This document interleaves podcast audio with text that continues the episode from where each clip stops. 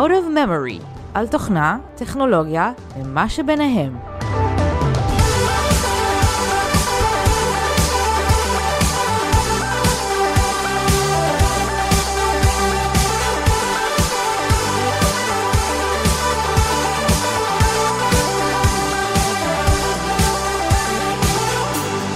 ברוכים הבאים ל-Out of Memory, פרק מספר 4, תולדות ההצפנה, חלק א'. אני מיכה קאופמן. ואני עופר זליג. סדרת הפרקים הזו תעסוק בנושא המרתק והמאלף של הצפנה.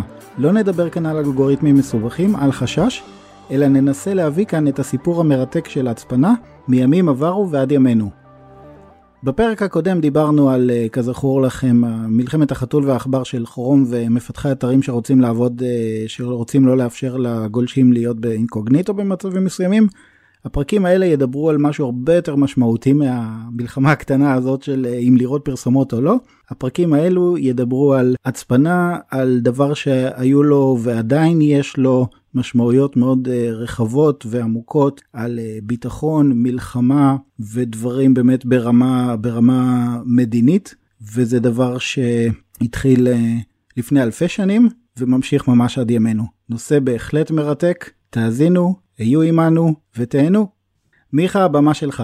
כן, נכון עופר, תודה. זה באמת מלחמה, לא סתם מלחמה, בין מפתחי הצפנים לבין מפצחי הצפנים. זה באמת מלחמה כי, אתה יודע, אומרים שמלחמת העולם הראשונה הייתה מלחמה של הכימאים, בגלל שהיא הוכרעה עם גז כלור ו- וחרדל, ומלחמת העולם השנייה הייתה מלחמה של הפיזיקאים, כי היא נגמרה בפצצת אטום. והמלחמת העולם השלישית, ככה אומרים, היא תהיה מלחמה של המתמטיקאים ושל מומחי מחשב, בגלל שהם יהיו אלה שישלטו במידע, ומידע זה הכוח. אז זה באמת, אפשר לקרוא לזה מלחמה, שלמשך היא גם מאוד מאוד ישנה, כן, לא מעכשיו, כמו שאמרת, התחילה לפני אלפי שנים, כי תמיד אה, מלכים רצו להעביר הודעות לצבאות שלהם בלי שההודעה תתגלה, ומצד שני גם המלך הבינו שהם רוצים להבין את המסרים של האויב אה, ולפצח אותם, שזה ייתן להם הרבה כוח.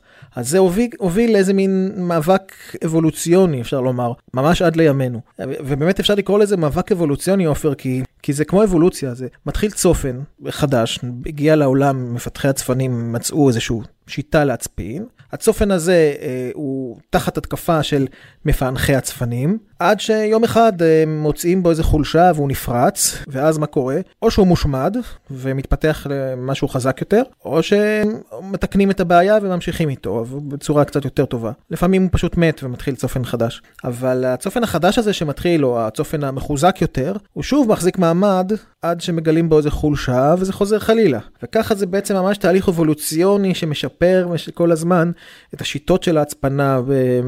והיום האמת היא זה יותר רלוונטי מאי פעם, כי הגישה היום למידע היא מאוד קלה, יש לנו טלפונים ומיילים ואינטרנט ו- ולוויינים, ו- ולכן המידע שלנו היום הוא פתוח לציבור באופן חופשי גלוי הרבה יותר ממה שהיה פעם, ולכן ההצפנה היום היא הרבה יותר חשובה מאשר פעם. ברור, ברור.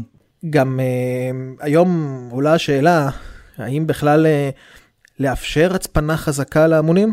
Uh, זה מין מאבק נוסף, בתוך המאבק בין המפתחי צפנים למפצחים של הצפנים, יש עוד תת מאבק של האם בכלל לאפשר לאנשים הפרטיים גישה להצפנה מאוד חזקה.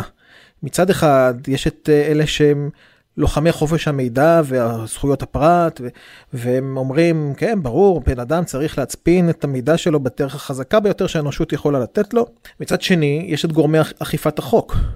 השב"כ, המוסד, שאומר, אנחנו לא רוצים שלאנשים תהיה גישה אה, להצפנה יותר מדי חזקה שאפילו אנחנו לא נוכל לפצח. כי אז אה, לא, לא נוכל... אה, להילחם בטרור למשל. להילחם בטרור למשל, לתפוס עבריינים.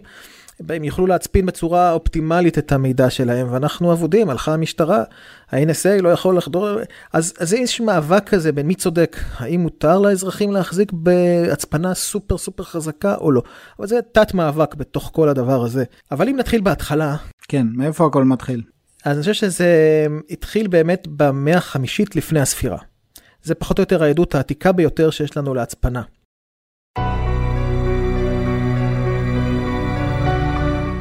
בתקופה הזאת בפרס שולט uh, קסרקסס, שליט כל יכול, פרס הייתה אז אימפריה. וכל המדינות שילמו מס לפרס, חוץ מאתונה וספרטה. הורדוטוס, מי שכונה אבי ההיסטוריה, על פי כיכרו. הוא כתב בספר שלו שנקרא היסטוריה, ואת כל ההיסטוריה היום אנחנו קוראים לה היסטוריה על שם הספר של הרודוטוס. אז הוא כתב שקסרקסס, שליט פרס, תכנן לעשות בליץ על נמל אתונה.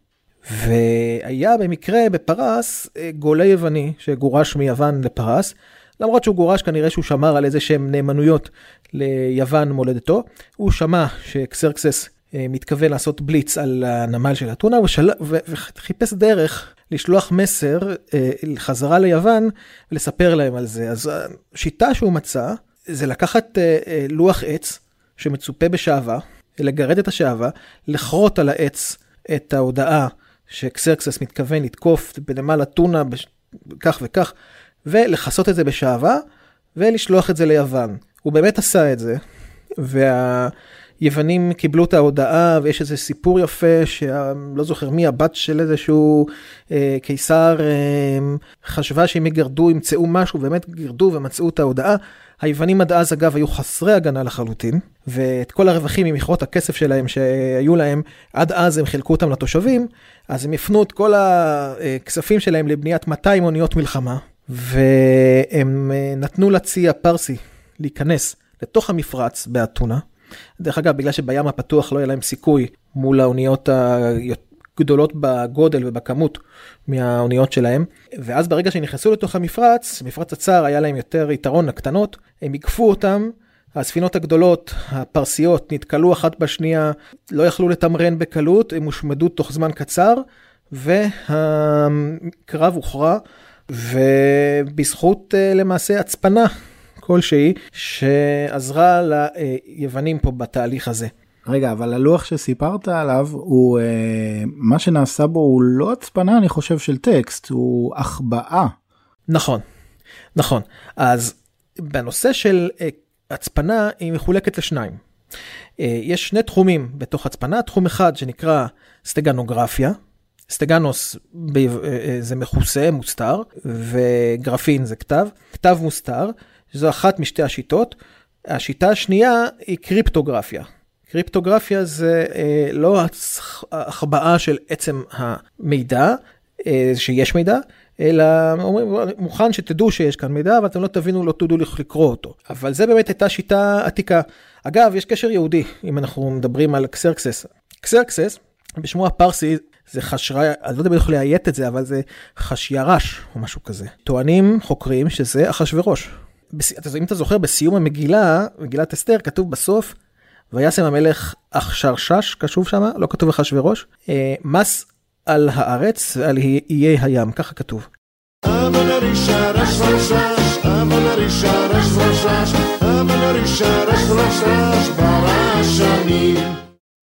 אז הנה בסוף ההגדה כתוב שהוא נתן מס, והנה ההמשך של הסיפור, שלא כולם שילמו את המס. מפה מתחילה הצפנה, מסוף המגילה. לא כולם שילמו אתונה ו... איזה קשר מעניין. כן, אתונה לא שילמה, והנה אה, זה אותו מס שבסוף מגילת אסתר, ומפה התחילה הצפנה. אה, אבל, ונכון, זה, ההצפנה הזאת היא הצפנה פרימיטיבית בשיטה של הסטגנוגרפיה. אגב, יש עוד הרבה שיטות של הצפנה שהיו, אם אנחנו נדבר רגע על הסטגנוגרפיה, על הערוץ הזה של הצפנה, אז אה, הרודוטוס מספר על אה, מסר שנשלח לאריסטגורס, אה, ומסר... אה, רודוטוס מבקש מאריסטגורס למרוד במלך פרס. אבל איך הוא עשה את זה? לקח איזה שליח, גילח לו את הראש, כתב לו על העורף, על החלק האחורי של הראש, את ההודעה, חיכה שיצמח השיער ושלח אותו. בצורה הזאת, זה גם שיטה של סטגנוגרפיה. איזה מתוחכם. הסינים כלומר, לא מתוחכם, אבל אתה יודע, מאוד כן, פרימיטיבי, אבל חכם פר... למחשבה. פרימיטיבי אבל חכם, וזה גם סוג של הצפנה מסוג סטגנוגרפיה. אגב, זה לא הסטגנוגרפיה היחידה, יש המון סיפורים. למשל, הסינים היו כותבים על משי הדין, מועכים לכדור, מצפים בשעווה ובולעים. במאה ה-15, אתה יודע כמובן איך זה יוצא אחר כך, וזה גם שיטה. במאה ה-15 למשל, מצאו שאפשר לכתוב על ביצים קשות עם הקליפה. כותבים על הקליפה עם דיו ממלח וחומץ, ומוסרים את הביצ... הביצה הקשה לצד השני, הצד השני מקלף את הביצה ומגלה את ה... מה שכתוב על הביצה, על החלבון ש... אה, אה, אחרי שמקלפים. אבל כשזה לא מקולף לא רואים כלום. אה, אגב, דיו סתרים, אם נדבר קצת יותר מאוחר בתקופה בהיסטוריה, דיו סתרים, הדיו הזאת שאתה יודע, לא, לא רואים שכותבים, הם מחממים את הנייר, אז רואים שכתוב משהו. זה פשוט דיו שעשויה מאיזשהו חומר שעשיר בפחמן, ולכן הוא נחרך בקלות. אז אה, זה גם סוג של סטנוגרפיה, אנשים כותבים על נייר, לא רואים. הצד השני מנחש שצריך לחמם ורואה. מרגלים אגב במאה ה-20, כשנגמר להם דיו הסתרים, היו משתמשים בשתן שלהם. גם הוא עושה את אותה עבודה. וכל אלה באמת אה, המכנה המשותף שלהם הוא שהצד שלא אמור לראות את המידע בכלל לא יודע שיש מידע כי ברגע שהוא ידע דרכו כנראה קלה לגלות את המידע זאת אומרת לחפש קצת ולמצוא אותו. נכון אה, אגב עד ימינו משתמשים בסטגנוגרפיה מדי פעם. אה, למשל לא מזמן היה סיפור עופר אתה זוכר עם, עם פייסבוק.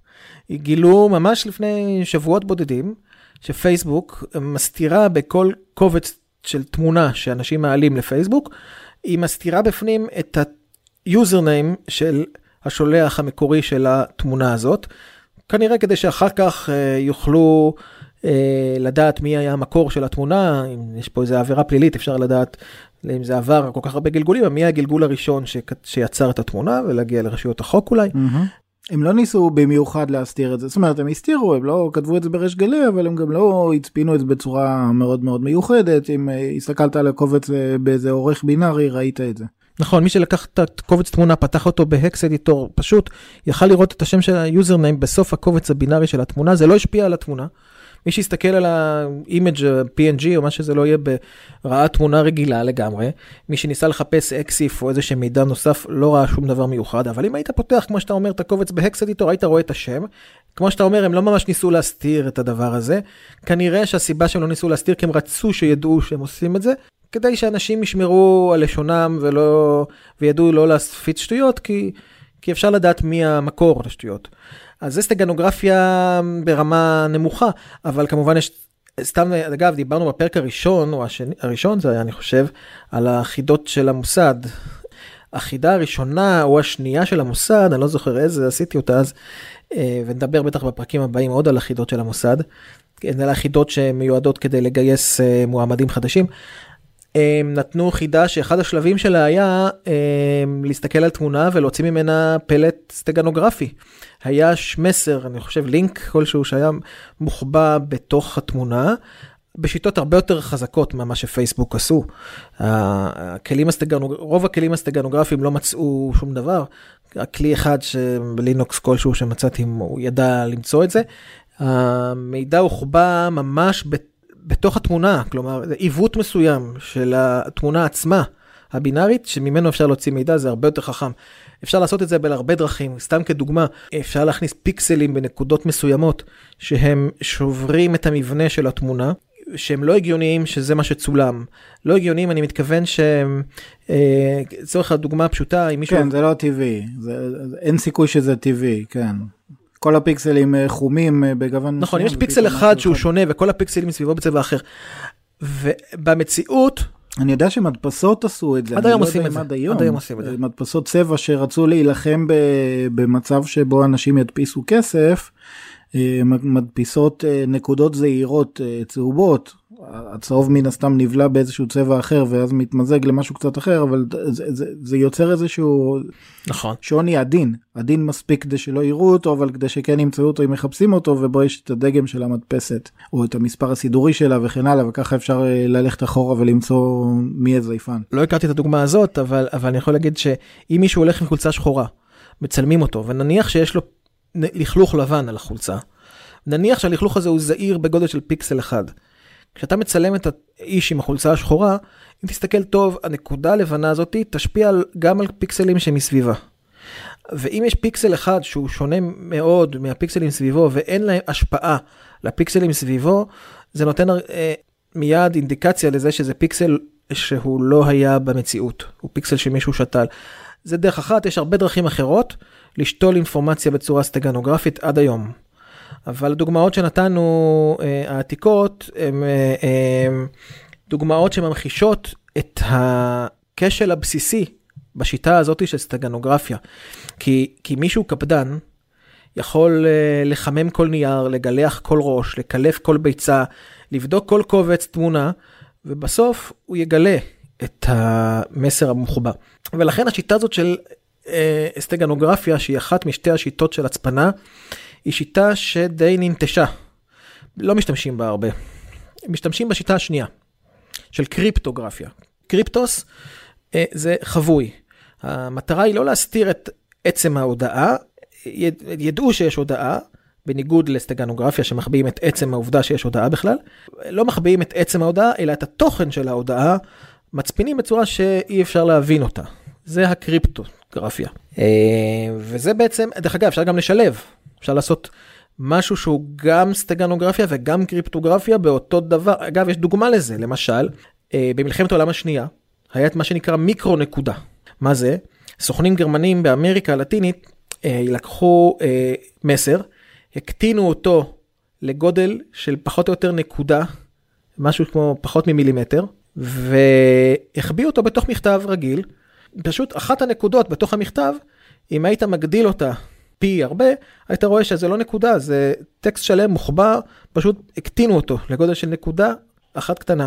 וככה הגרמנים היו מצפינים מודעות. ה-FBI אגב, רק ב-1941 ב- גילה את זה בעקבות רמז שהוא קיבל על זה שהוא צריך לחפש ניצוץ זעיר במכתב. בגלל שהנקודה הזאת היא בעצם סרט צילום, אז אם אתה מסתכל על המכתב בצורה מאוזנת, קצת מזיז אותו ימינה שמאלה, אתה מגלה נקודה זוהרת. זאת הנקודה שאם תגדיל אותה, תגלה שזה בעצם אה, מסר שלם מחובר בתוך הנקודה הזאת. הגרמנים בשלב מאוחר יותר אה, הבינו כנראה שעלו על השיטה, ואז הם הכניסו מסר מוצפן בתוך המיקרו נקודה. וזה שילוב של סטגנוגרפיה, כי זה נראה כמו נקודה פשוטה, ואף אחד לא יודע שיש שם בכלל מסר. יחד עם קריפטוגרפיה, מכיוון שאם גם אם היית מגדיל את הנקודה, היית רואה שם קשקוש גדול, שאתה לא יודע איך לקרוא אותו. אז אפשר לשלב. ואני חושב ש...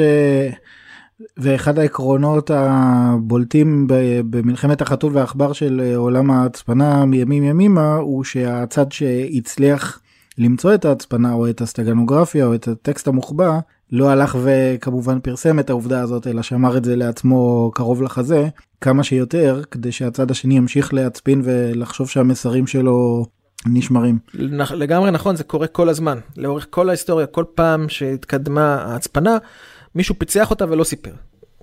יש גם הצפנות אגב פשוטות מאוד מאוד שהן קודמות לסיפור שסיפרנו על הפרסים אבל זה לא ממש הצפנה המקום אולי העתיק ביותר לקריפטוגרפיה זה האטבש א' ת' ב' ש' השיטה שפשוט לא, כל אות מייצגת את האות הנגדית לה מהצד השני. א', האות הראשונה מיוצגת על ידי ת', האות האחרונה. וב', האות השנייה מיוצגת על ידי ש', שזה האות השנייה מהסוף. השיטה שהשתמשנו בה כילדים ביסודי.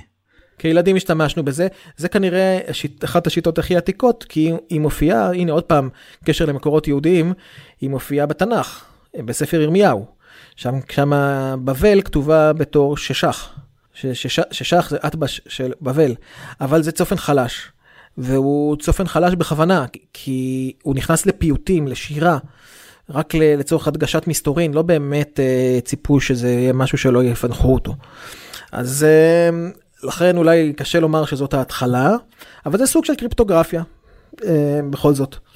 אם נתקדם הלאה אחרי פרס, פה מקום לעצור ולומר שרוב הדברים שאני אומר בפרק הזה אה, מבוססים על אה, ספר מדהים שאני ממליץ עליו לכולם, שנקרא סודות ההצפנה, שכתב סיימון סינג. אותו אחד שכתב אגב את אה, המשפט האחרון של פרמה. בעיניי אלה שני הספרים הכי טובים שקראתי מעולם. המשפט האחרון של פרמה וסודות ההצפנה הם גם הספרים היחידים שקראתי יותר מפעם אחת. אני יכול להמליץ באופן אישי על המשפט האחרון של פרמה אני קראתי אותו ויכול להגיד שבאמת לא צריך להיות מתמטיקאי כדי להבין, אה, ללכת לאורך הסיפור ולהבין מה היה שם, כלומר זה... זה... זה אותו דבר עם שדות ההצפנה, לא צריך להיות מומחה מחשבים בשביל לקרוא אותו. וסיימון סינג מצליח להעביר סיפור בצורה מדהימה, והמון מהמידע שאנחנו נדבר עליו כאן לקוח מתוך הספר הזה, אז uh, מומלץ מאוד. אז התקדמנו הלאה. אנחנו עברנו את פרס, הגענו לתקופת של יוליוס קיסר. שהוא השתמש הרבה בקריפטוגרפיה. הוא אפילו כתב ספר על קריפטוגרפיה שהלך לאיבוד ואין לנו אותו היום, אבל משהו אחד השתמר מיוליוס קיסר בספר חיי הקיסרים, שלא הוא כתב, אה, שכתבו במאה השנייה, הוא מתאר שיוליוס קיסר החליף כל אות בזו שנמצאת שלוש אותיות אחריה. זה כמו אטבש, אבל לא, לא, לא מחליפים א' בת', מחליפים א' בד' וב' בה'. ורווח נשאר רווח? רווח נשאר, לא, אה, בדרך כלל בהצפנות אין רווחים, זה, זה חשוב להגיד. לפעמים יש, ואז זה מאוד מחליש בדיוק, כי אתה רואה שלך. את הטקסט, ולפי הרווחים אתה מבין... כן. אה, לרוב לא עושים רווחים בטקסט. אני אגיד גם למה, כי באנגלית למשל, אם אתה רואה אה, אות אחת, כמעט תמיד זה היה אות I. כי זה בערך המילה היחידה שיש כן, עם אות אחת. כן, בדיוק, I או A. לכן זה מאוד מאוד מקל לך, מיד אתה חושף את ה-I. כן. גם בהצפנה של את בש, או כמו שיוליס קיסר עשה לדלג שלוש אותיות קדימה, די מהר אתה עולה על זה. אבל ברגע שיש משהו קצת יותר מורכב, אז רווחים... נכון, הצופן של יוליוס קיסר, אנחנו מניחים שיוליוס קיסר, היו לו עוד הרבה צפנים, הוא כתב ספר שלם על הצפנה שאין לנו, הוא הלך לאיבוד. אז כנראה שהיו לו עוד צופנים הרבה יותר חזקים מההסתה של השלוש קדימה, אבל עד היום... כן, בוא, בוא ניתן לו קרדיט. בוא, כן, ניתן לו קרדיט בכל זאת. אבל עד היום, ההזזה קדימה של אותיות נקראת הסת קיסר, כמו ניתוח קיסרי. שנלקח מה... mm. מיוליוס קיסר, הסת קיסר עד ימינו אלה מתייחס לטקסט שמזיזים לא בהכרח שלוש, מזיזים כמות כלשהי את האותיות קדימה. גם את הניתוח הקיסרי הוא המציא? לא, אומרים שהוא נולד בניתוח קיסרי ומפה זה הגיע. דרך אגב, יש טענה שזה לא נכון, אבל בכל מקרה עדיין קוראים לזה ניתוח קיסרי. אז כמו שאמרנו, בעצם זה לא חזק כל כך. כי למה זה לא חזק? כי יש רק 26, 26 אותיות באנגלית, לכן אם אתה לא מצליח, תזיז פעם אחת, אם לא תצליח, תזיז שתיים, לא תצליח, תזיז שלוש, אחרי 26 ניסיונות, מקסימום 25 ליתר דיוק, אתה תגיע לפתרון. לא מסובך. אבל אם לא נגביל את עצמנו לסדר כלשהו, כלומר לא בהכרח אות מחליפה אות שנמצאת במקום קבוע אחריה, אלא נחליט שא' זה ד' וב' זה ת' וג' זה י'. אנחנו נעשה איזשהו משהו שהוא לא בהכרח מזיז כל אות לאות במקום X אחריה, אלא סתם כל אות נבחר שהיא אות אקראית אחרת. אז במקרה הזה יהיה לנו כמות של, אה, לא יודע, בואו תנסו לנחש מי ששומע אותנו, כמה אפשרויות יש כדי לפענח את, ה, את הטקסט שלנו. אמרנו, אם מזיזים איזה סט אחד, יש 26. במקרה שאני בוחר איזה אות שאני רוצה, יש, הנה ניתן כמה שניות לחשוב. המספר הוא 4 עם 26 אפסים. מספר שאני לא יודע איך להגיד אותו. אבל איזה מספר שגם אם כל שנייה תבדוק אפשרות אחת, יהיה לך מחשב שמנסה להרכיב מילים, פשוט מנסה לנחש, לוקח א' ומנחש איזה עוד זאת, לוקח ב' מנחש, מנסה כל אפשרות, אה, ונניח שכל שנייה המחשב מנסה אפשרות אחת, הוא יצטרך בערך מיליארד פעמים חיי היקום כדי. לפענח את הטקסט. מיליארד פעמים חיי היקום זה 4 עם 26 אפסים. אה, ולכן במקרה כזה זה הצפנה מאוד חזקה, לא יסד קיסר, וזו שיטה שהשתמשו בה בערך כל האלף הראשון לספירה, בשיטה הזאת. של החלפה של אות באות אקראית אחרת. כל צד ידע, היה לו איזושהי רשימה שא' הופך לנ', ב' הופך לא', והיה להם רשימה כזאת לכל צד השולח והמקבל, היה ביניהם הסכם, ובאמת זה החזיק מעמד אלף שנה, כי לא היה שום מחשב שמסוגל, וגם אם היה מחשב שעושה כל שנייה ניסיון, זה לא היה מצליח, לפענח את הדבר הזה. בשלב הזה, הניצחון במאבק בין המצפינים לבין המפצחים היה של המצפינים. היה שיטת הצפנה בלתי ניתנת לפ... לפיצוח. רגע, רגע, רגע, אני רוצה לשאול אותך עכשיו שאלות, ויכול להיות שאני מקדים את המאוחר, יכול להיות שאתה הולך לדבר על זה עוד מעט, אבל אני ככה, שאלה ספונטנית. כן. אמרנו שאין רווחים, נכון? נכון. מן הסתם, כי, כי זה יקל מאוד. תראה, היה שלב שהיו גם רווחים, ובשלב מסוים מי שהבין שזה מחליש לו את הקוד, הוריד את הרווחים. כן, אז יש לי בעצם שתי שאלות. שאלה ראשונה, אני חושב שהיא די ברורה. אה, אני מניח שלא היה לשני הצדדים שחולקים את המסר רק אה, דף תרגום אחד, אלא הם בטח עשו כמה כאלה והם החליטו שפעם בחודש משתנה דף, ה, דף ההחלפה של האותיות, נכון? אה, מה שאתה אומר אה, נקרא פנקס חד פעמי, נדבר עליו עוד מעט.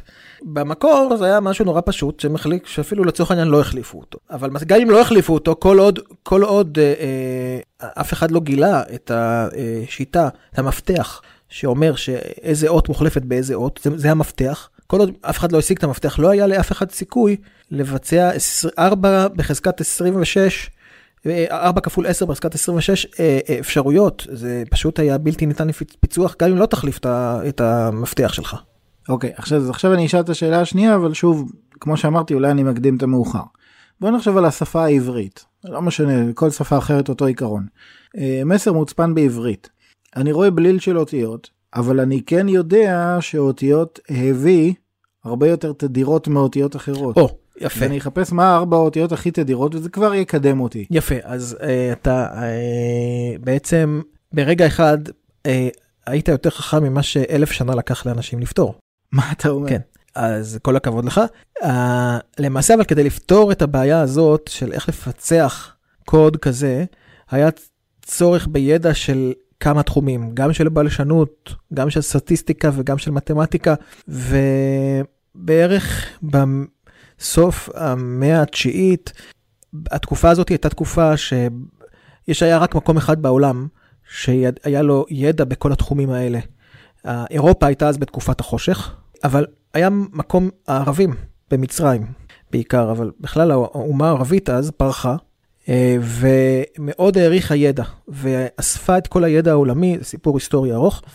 יש מי ש... אה, אדם שנקרא, ודאי הרבה מכירים אותו, אלקינדי, אה, מי שכתב 290 ספרים, גם על רפואה, גם על אסטרונומיה, מתמטיקה, בלשנות, מוזיקה, הכל, סטטיסטיקה, כתב 290 ספרים, אה, ונחשב גאון בעולם הערבי, אפילו הרמב"ם אה, מעריך אותו מאוד, ומתייחס אליו מדי פעם, והוא גילה את הדבר שנקרא ניתוח תדירויות.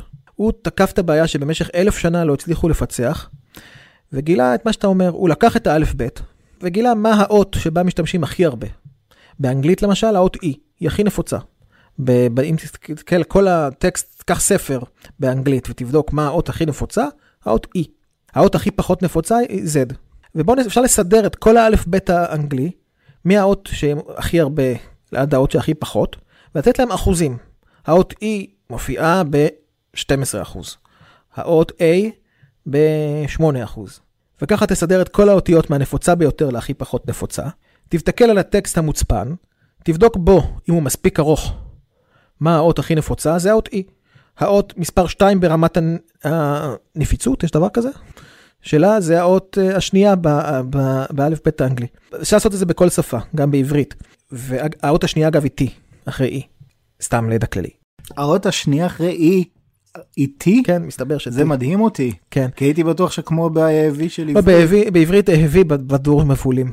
גם בעברית, אני לא יודע מי מתוך הוא, הוא הכי נפוץ. אה, אבל אחת מהם בטח היא הכי נפוצה. כן, אבל, אבל זה מדהים אותי שאחרי E בא T ולא כן. A כן, או I מסתבר. או O. אז בצורה כזאת הוא כותב אל קינדי שאפשר לפצח כל צופן בשיטה שנקראת ניתוח תדירויות. ובשלב הזה הניצחון עבר מהמצפינים למפצחי הצפנים. אני אתן איזה הערה קטנה אגב, שנכון שהאות היא הכי נפוצה, אבל אתה צריך טקסט מספיק ארוך, כדי שאם יש טקסט, בדיוק, יש מילה בדיוק, אחת, אתה לא יודע לפצח. בדיוק, כדי שהמשקלים מבחינה סטטיסטית יתאימו. בדיוק, שיתאימו. כי באתי להגיד, ואם הטקסט קצר, הם עדיין יתאימו ברובם. בוא נגיד יהיה לך סטיות קטנות ואתה תקבל טקסט שהוא 80% נכון ו-20% רעש של נכון. אותיות ככה לא הגיוניות, אבל אתה עדיין תצליח לקרוא את הטקסט. נכון, אז לכן צריך טקסט ארוך, מילה אחת ודאי שאתה לא תצליח, אם יש משפט אחד אז ספק רב, אבל אם יש כמה משפטים אתה כנראה תצליח. והערת אגב, ב-1969, הסופר הצרפתי ג'ורג' פרק, הוא כתב את לה דיספריסיון.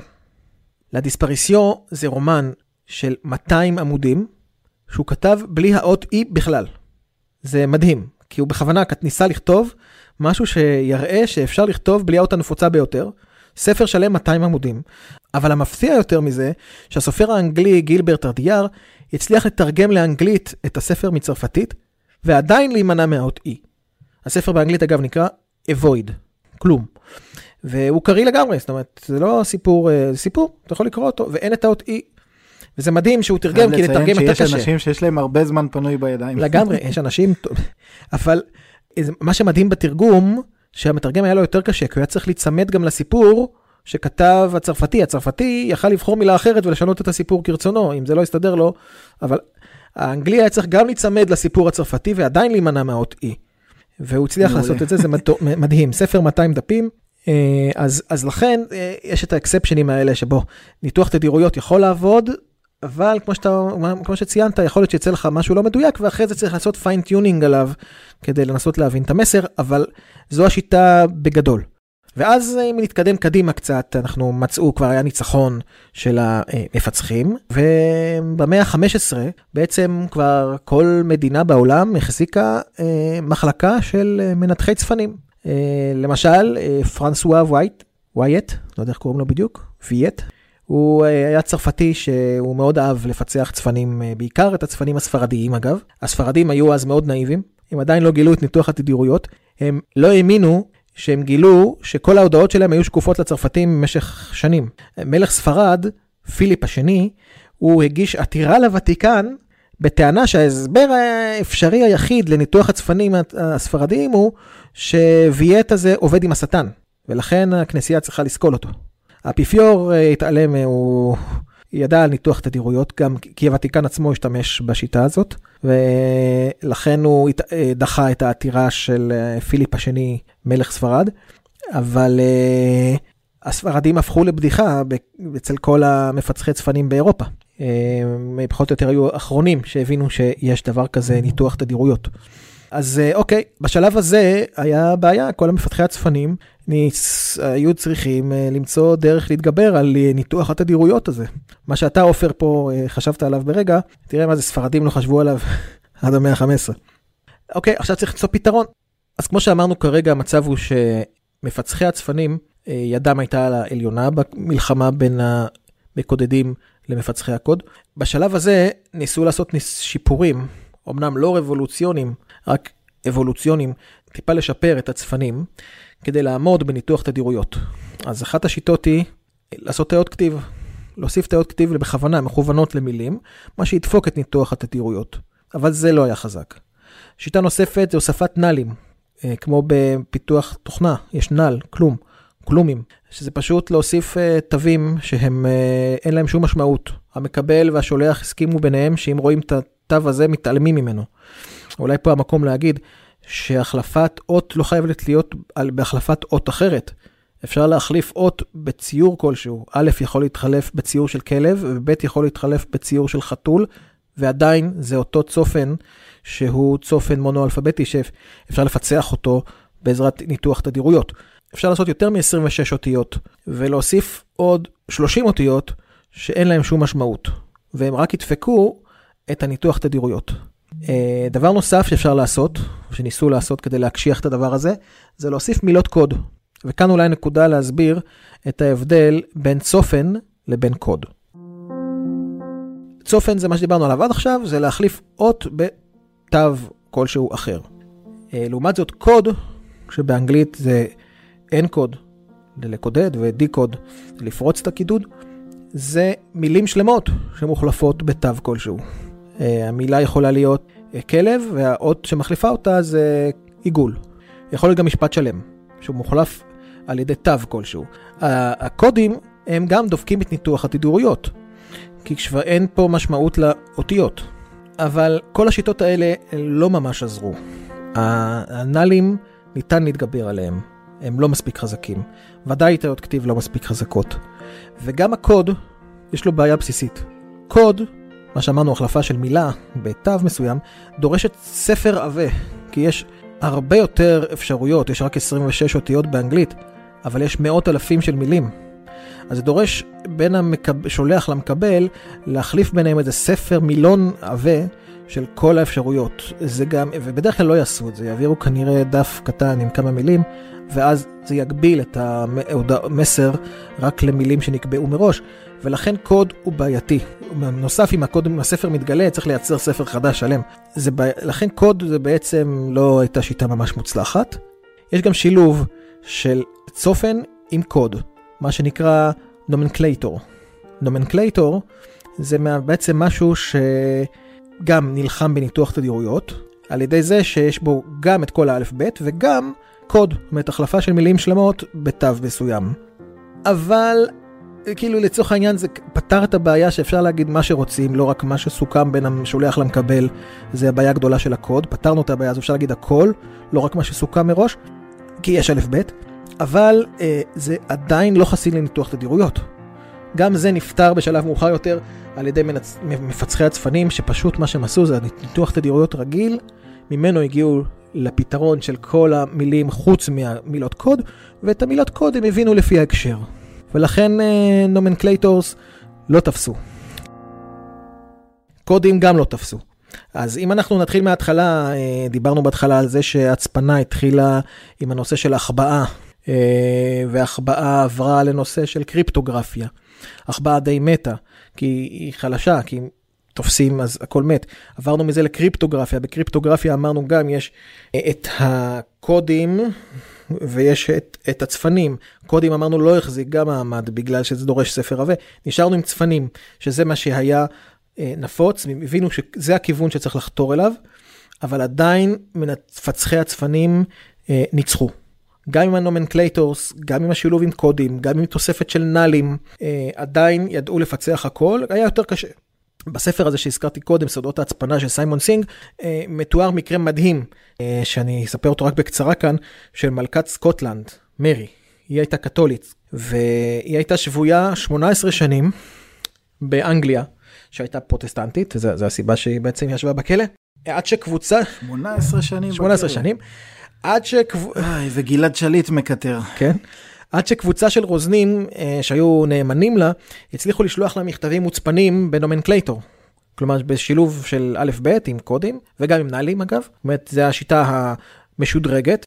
רגע, הם הצליחו לשלוח לה צפנים למרות שהיא הייתה 18 שנה כן, בכלא. כן, היה לה מזכיר בכלא, סיפור ארוך. אה, מה, מה שאלת? לא, כי כאילו באתי לשאול אם היא הייתה בעצם צריכה לפני הכלא ללמוד ולתאם את, אותו, את אותה מערכת. לא, היה לה איזשהו מישהו בכלא שהיה מפענח לה את זה, מזכיר שהיה זה, אז אה, מישהו שהיה משתף איתה פעולה מבפנים. אה, אוקיי. אז כנראה שככה אם אה, אה, לימד אותה את השיטה או שהיא ידעה את זה כבר קודם. אה, בכל מקרה המכתבים האלה היו נשלחים לה בדרך מדהימה זה כתוב שם בספר לא אכנס לזה אה, אבל אותו אחד שהעביר את המכתבים בסתר הסתבר שהוא סוכן כפול. שכל מכתב שהוא שלח לה, הוא שלח גם לאנגלים. Mm. ובשלב הזה הפיצוח של הצפנים כבר השתכלל לרמה כזאתי שיכלו לפענח את זה כמו שאמרנו, כי בשלב הזה מפצחי הצפנים אה, ניצחו. ידעו לפענח הכל עם הניתוח תדירויות. ובסופו של דבר, בזכות הפענוח של הצופן הזה, של המסרים האלה, כל הרוזנים שתמכו בה הוצאו להורג ממש באכזריות.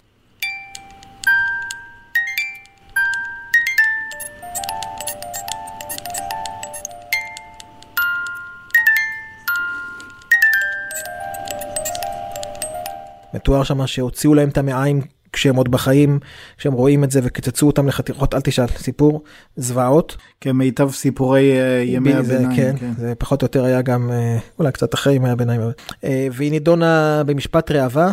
שהוציאו שם את כל המכתבים המוצפנים שלה, והיא הוצאה להורג בעריפת ראש מול כל הקהל שמחא כפיים, שבטח אף אחד ממנו לא הבין מה זה נומנקלומטור בכלל.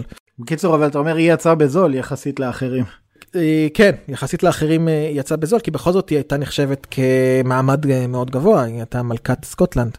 אז רק ערפו לה את הראש. כן, יחס מיוחד, יחס של מלכה. לגמרי. אבל זה דבר שהיה משנה את ההיסטוריה, אם הוא לא היה קורה, וכל בזכות הצפנה, או בגלל הצפנה. כי בשלב הזה מפצחי צפנים ניצחו את המצפנים, וכל אחד ידע שמפצח צפנים מספיק טוב, יצליח בסוף לפענח את ההודעה שלו. זה רק עניין של זמן. ולא היה באותו זמן אה, מענה, מה שנקרא, מצד המצפינים, לא היה להם באותו שלב איזה דרך להצפין בצורה שהם ידעו בוודאות. לא, רק, ש... לא, רק ידעו לעשות את הנאלים, ידעו לעשות את ה nomenclator, להוסיף, כלומר להוסיף קודים, מילות קוד, אבל לא, זה לא מספיק חזק. מפתח, צפ... מפצח צפנים מספיק טוב, תמיד יכל אה, לפתור את זה. וזה היה טוב בשביל אה, להסתיר דברים מההמון, אבל זה לא היה טוב בשביל להסתיר דברים ברמת מדינה. מפצחי צפנים אה, מקצוענים ידעו לפתוח. ולכן המצפינים חיפשו תחליף. ובעצם אה, עד עכשיו השיטה המקובלת הייתה שיטה מונו-אלפביתית. כי כל אות הוחלפה באות או בסימן אחד בודד, אבל היא תמיד הוחלפה בסימן הזה לאורך כל המסר. כלומר, אם החלטתי שא' זה עיגול וב' זה משולש, אז תמיד א' זה עיגול וב' זה משולש לאורך כל המכתב שאני כותב. זה נקרא מונו-אלפביתי. וזה, השיטה הזאתי, יש לה את הבעיה של ניתוח תדירויות. אז השיטה הראשונה שיוציאו זה הומופונים. ההומופונים אמרו דבר כזה, אם האות E היא 12% מהטקסט, אז היא תקבל 12 אפשרויות של תווים. ואם האות Z היא אות שיש לה רק, רק אחוז אחד מהאותיות, היא תקבל רק אות אחת. כלומר ביטלו את התדירויות. התדירויות יהיו זהות לכל האותיות. זה עדיין מונו-אלפביתי. אבל השיטה הזאת של הומופונים מאזנת, מאפסת את האחוזים ואי אפשר לעשות ניתוח תדירויות. כי יש 12 אפשרויות לאות E. תבחר אקראית אחת מהן. היא יכולה להיות או עיגול, או קו, או משולש, או חתול, או עכבר, 12 אפשרויות, לא משנה מה, זה האות E. והאות Z יש לה רק תחליף אחד. אה, ובאמצע יש כל מיני אותיות עם שלוש, שלוש אפשרויות, ארבע אפשרויות. אז זה הומופונים, והם היו חזקים יותר, אבל עדיין זה היה מונו-אלפביתי, כי נכון שלכל אות יש אולי כמה אפשרויות, אבל הן סגורות לכמה אפשרויות, ולאורך כל המכתב, לאות E יהיה רק 12 אפשרויות. זה סוג של משהו בין מונו-אלפביתי לבין השיטה הבאה שנדבר עליה, שהיא שיטה פולי-אלפביתית. אגב, ההומופונים, אם אנחנו מזכירים אותם, הומו מבחינה זאת שזה אחיד. לואי 14 השתמש בשיטה הזאת של הומופונים, והוא פיתח צופן שהוא קרא לו הצופן הגדול.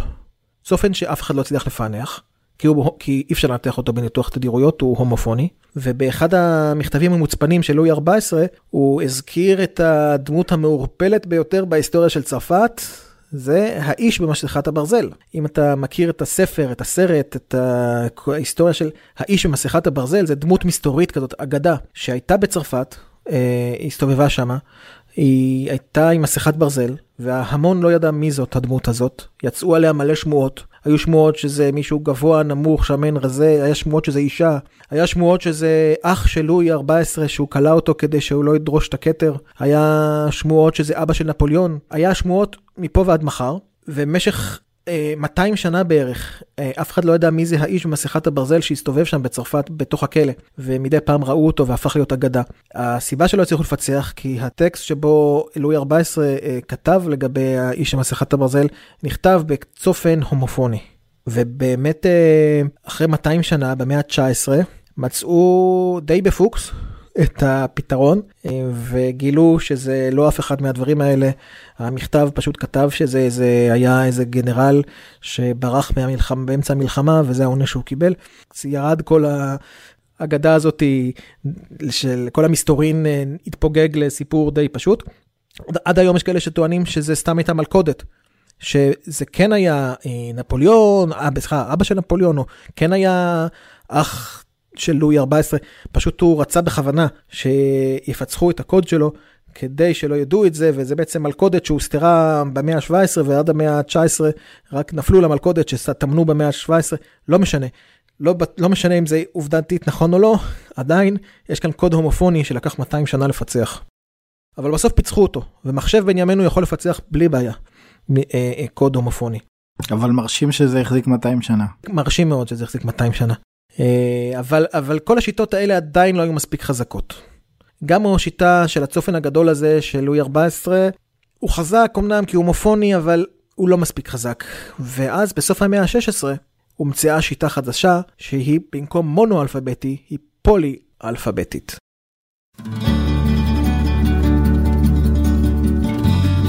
אז לסיכום מה שאמרנו עד עכשיו, בואו נסכם את החלק הראשון. נתת סקירה על אה, סטגנוגרפיה לעומת קריפטוגרפיה. אחד מהם זה החבאה של אה, מסר שרוצים להעביר לצד השני בלי שאף אחד יראה אותו בצורה שבו הצד שלו אמור לראות אותו לא ידע שיש בכלל מסר כי הוא מסתתר מאחורי שכבת אה, שעווה או שיער של מישהו או ביצה או מה לא. לעומת זאת יש את ענף הקריפטוגרפיה שאומר לא אכפת לנו שהצד השני ידע שיש כאן משהו, הוא פשוט לא יצליח לקרוא אותו, לא יהיה לו את הידע איך לקרוא אותו. והקריפטוגרפיה התחילה על ידי uh, שיטה של קוד מונו-אלפביתי, כלומר כל אות הופכת להיות אות אחרת, וזו שיטה שנראתה נחמדה, אבל היא החזיקה במשך אלף שנה בערך. אבל אז עלו על השיטה של ניתוח תדירויות, שבו אפשר לראות כמה פעמים מופיעה כל אות בטקסט, לדעת כמה בשפה נתונה כל אות אה, מופיעה בטקסט רגיל, ואז להשוות ולפצח את הקוד די בקלות. אני אומר די בקלות, אבל זה לקח אלף שנה.